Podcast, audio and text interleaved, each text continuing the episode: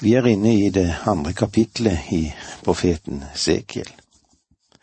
Esekiel han blir kalt til en tøffere oppgave enn det noe annet menneske jeg kan huske på i farten. Gud vil nå klargjøre oppgaven for ham, og jeg tror at hadde Gud sagt det samme til meg, så hadde jeg med en gang bedt om å få slippe unna. Jeg ville kanskje ha sagt det på denne måten, vent et lite øyeblikk, Herre. Jeg må levere inn min avskjedssøknad før jeg har begynt. Jeg, jeg, jeg, jeg, tror jeg fortsetter med den oppgaven jeg har, og lar det være med det. Jeg er glad for at Herren ikke har sagt det til meg, det han avslørte for Esekiel. For jeg må vel tilstå at jeg mange ganger er rundfallen og feig. Beundrer du Esekiel? Jeg beundrer ham. Legg nå merke til hva Gud sier til ham om den oppgaven han nå skal gå inn i, og slik som vi leser de versene tre og fire i det andre kapittelet i Esekiel. Han sa til meg, Menneske, jeg sender deg til israelittene, dette opprørske folk som har reist seg imot meg. Både de og fedrene deres har vært troløse mot meg helt til denne dag til disse menneskene med frekk mine og harde hjerter sender jeg deg, og du skal si til dem, så sier Herren Gud. Dette er veldig sterke uttrykk som Gud bruker. Jeg sender deg til israelittene, dette opprørske folket. Ordet opprørske dukker stadig opp i Esekiels bok. De er et folk i opprør mot Gud. Det ordet som var oversatt folk, er ikke det ordet som Gud vanligvis brukte om sitt utvalgte folk. Ordet på hebraisk er goi, og det er det ordet som Israel brukte om hedningene, fremmedfolkene. Det som har hendt, er at Israel har sunket ned til hedningenes nivå de folkeslag som levde rundt dem, det var de de var lik. Og Gud sier at de er et opprørsk folk. De har satt seg opp mot ham, og de er troløse. Vi mennesker som ofte er vanskelig å nå med evangeliet, er de religiøse. De som i sin tid var med, men ikke lenger er det de som har fornektet evangeliet, de som har kastet vrak på Guds ord. Selv om de kan befinne seg både innenfor og utenfor kirkens vegger, så er de egentlig imot Gud. De tror at det å være kristne betyr å være snille gutter og jenter. De leker kirke. Det er et hyggelig fenomen for dem. De forsøker å være søte og kjekke og holde hendene rene. Men de vil ikke noe annet enn å komme og fortelle dem at de er fortapte syndere som trenger å bli frelst, og bli lydige mot Gud. De er vanskelige å nå, og mange predikanter over hele landet ligger våken og undrer på hvordan de skal nå disse menneskene. For å kunne holde ut i tjenesten med det sinnelaget som er nødvendig, må man være sikker på sitt kall. Og kjenner du deg ikke sikker på kallet, så gjør noe annet. Å være en Herrens tjener i dag er ikke enkelt om man skal stå for det Guds ord sier. I vers fem Og enten de vil høre eller ikke, for de er en trassig ett så skal de skjønne at en profet har vært midt iblant dem.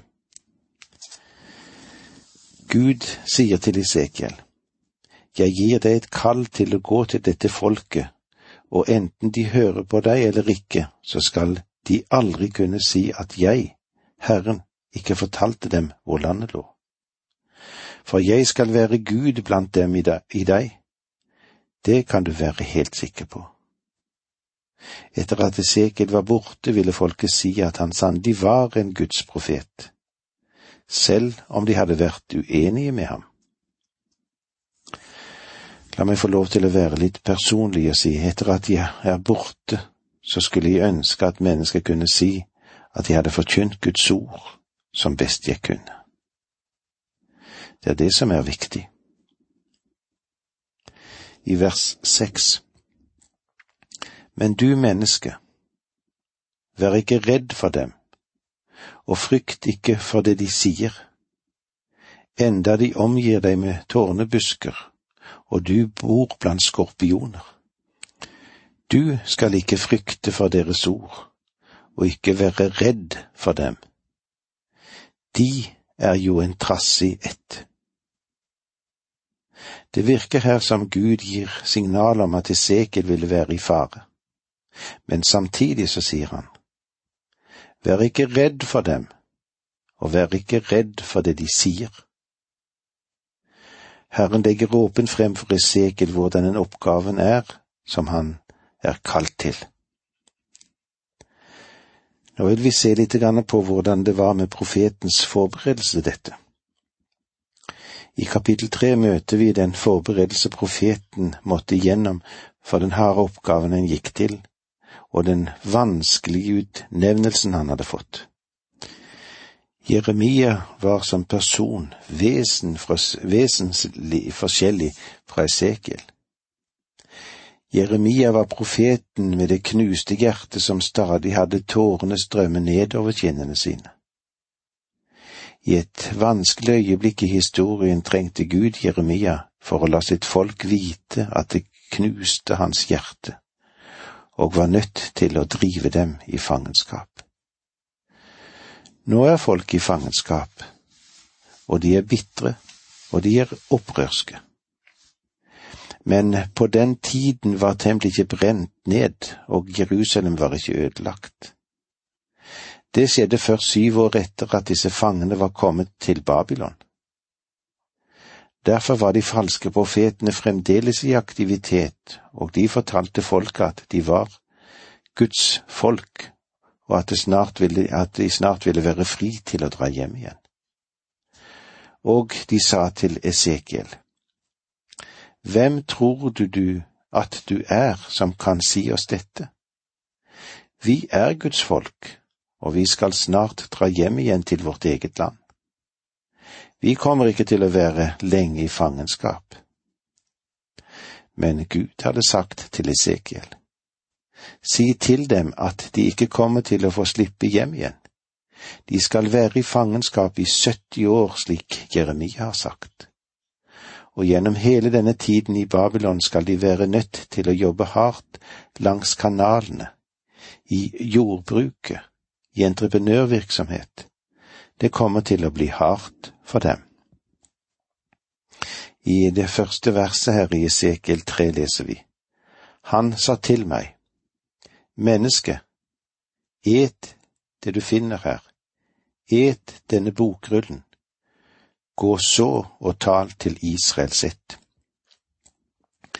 Menneske. Igjen møter vi denne tittelen som Herren gir Esekiel innenfor den harde oppgaven, gjennom det lidelser han vil få oppleve. Et det du finner her. Et denne bokrullen.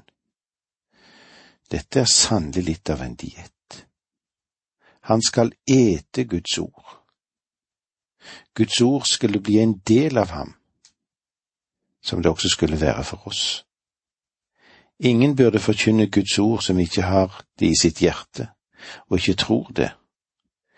Ikke tror det ordet forteller. Prekestolen er ikke stedet for blomsterspråk og høytflyvende ordtriader. Prekestolen er det sted der man proklamerer Guds ord i versene to og tre. Jeg åpnet munnen, og han lot meg ete bokrullen. Menneske, sa han, mett din mage og fyll dine innvoller med denne bokrullen som jeg gir deg. Da åt jeg den, og den smakte søtt som honning. Det å studere Guds ord er i sannhet margfulle retter. Er du glad i Guds ord? Det vil være vanskelig for deg å si at du elsker Jesus om du ikke elsker Guds ord. Guds ord åpenbarer nemlig en person for deg, og da vil du også lære å elske ham. Esekiel sa, det smakte søtt som honning. Han fikk kjærlighet til Guds ord. Og med disse ordene må vi si takk for nå, må Gud være med deg. Dette undervisningsprogrammet består av to deler. Åge Nevland fortsetter nå med andre del av dagens undervisning. Vi er i profeten Esekiel. Vi er kommet til det tredje kapitlet, og vi vil se hvordan Esekiel får i oppdrag å fortelle et budskap til det israelittiske folk. I vers fire og fem leser vi.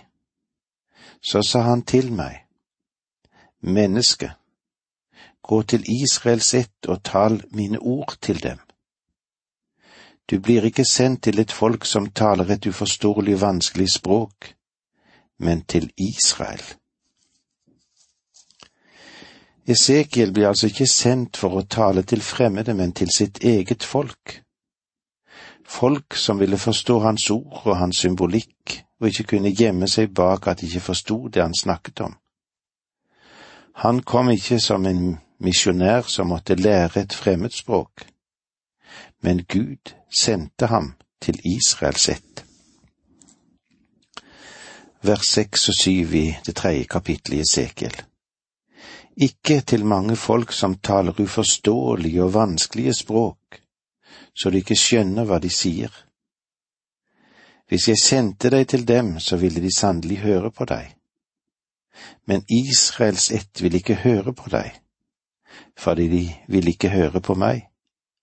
Hele Israels ett har jo harde panner og hjerter. Det ligger ikke mye oppmuntring i denne oppgaven å tale til et folk som aldri vil høre. Likevel skal Isekiel være et vitnesbyrd om at Gud ikke tier i denne tid, men han har et ord til sitt folk. I versen åtte og ni Se, jeg gjør ditt ansikt og din panne harde som deres. Jeg gjør din panne hard som diamant, hardere enn flint. Du skal ikke være redd for dem og ikke skjelve når du møter dem, selv om de er en trassig ett. Herren sier til Esekiel, Du skal bare stå fram og gi dem mitt ord, og du skal ikke behøve å bøye nakken for dem i fortvilelse. Legg merke til forskjellen her mellom Jeremia og Esekiel. Gud gjorde ikke Jeremia sitt ansikt og panne hardt. Jeremia hadde et ømt hjerte, og han maktet ikke å stålsette seg mot alle de vanskelighetene han sto overfor. Ved ett tilfelle sto han frem for Herren og leverte sin avskjedssøknad som profet. Esekiel vil ikke fraskrive seg sin profettjeneste. Gud sier, Israels barn har harde panner, men jeg vil gjøre din panne hardere enn deres, så du skal stå imot trykket. I denne harde virkelighet så ønsker ikke Gud å fire det minste. Det svake menneskelige redskap, det skal stålsettes. Han gjorde Jeremia til en jernstøtte, som det står i Jeremia 1,18. Så skal Esekiel bli lik en diamant, med en så hard konsistens at den skjærer uten selv å skjæres. Diamantsliping, den som må til for at edelstein skal komme frem med sin skjønnhet.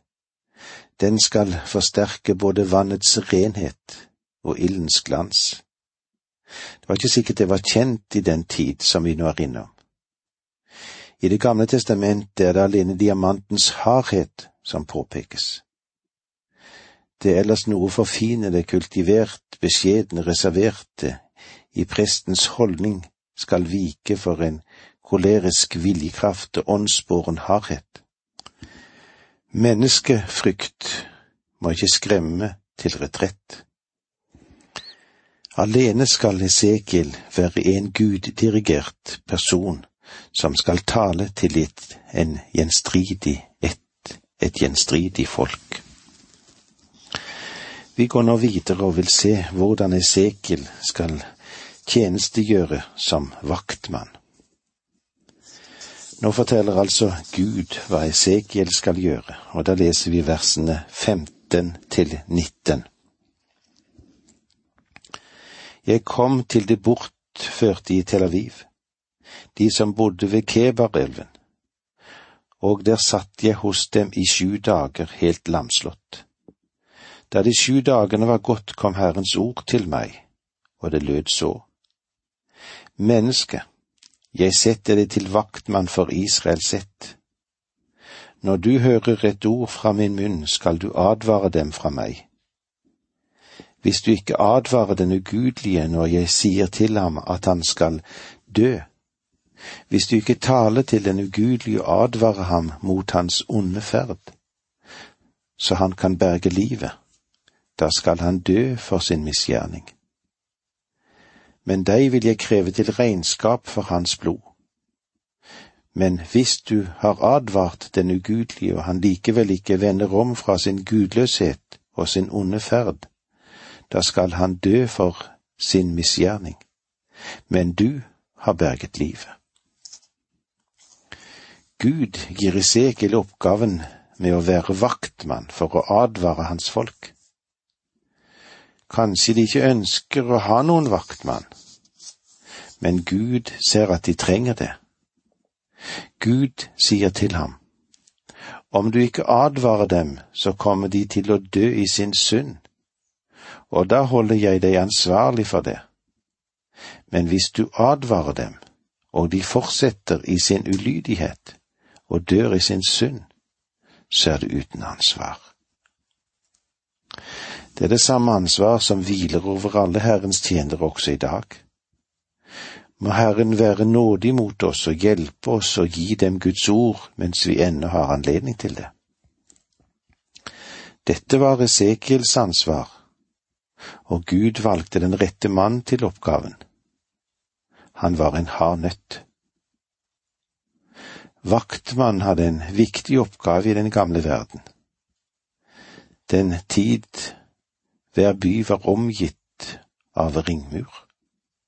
Denne muren var satt opp som beskyttelse, og portene de ble stengt ved kveldstid.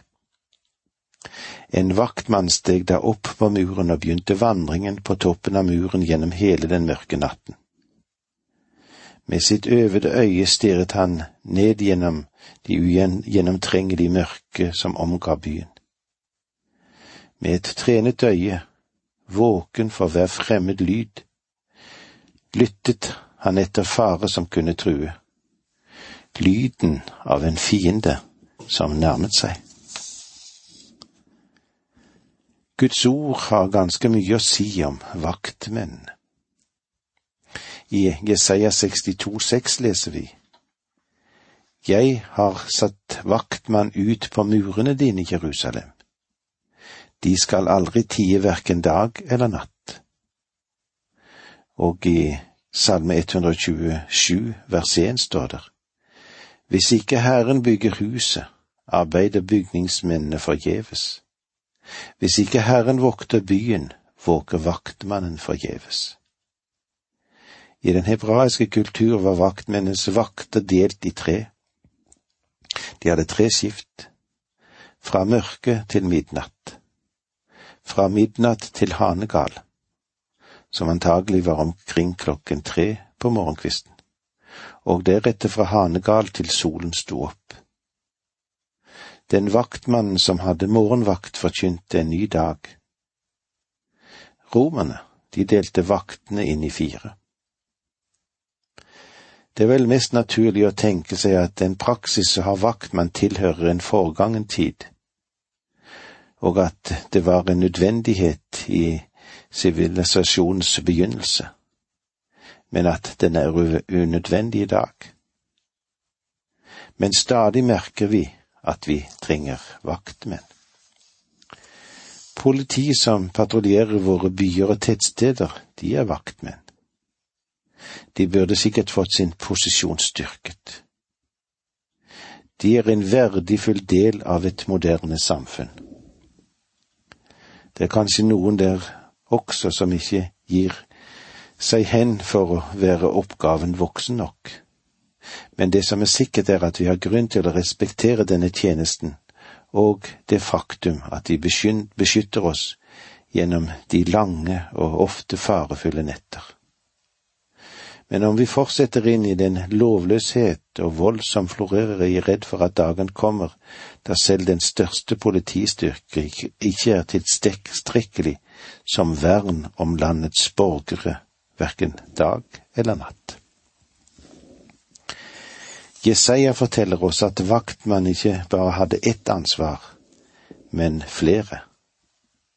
Han skulle kunne skille venn fra fiende. I dag burde også vi som er prester og predikanter være vaktmenn i vårt samfunn. Vi burde være i stand til å gi en advarsel mot fare. Ja, vi er egentlig ansvarlig for å gi videre dette budskapet. Det var så langt som vi kom i dag. Takk for nå, må Gud være med deg.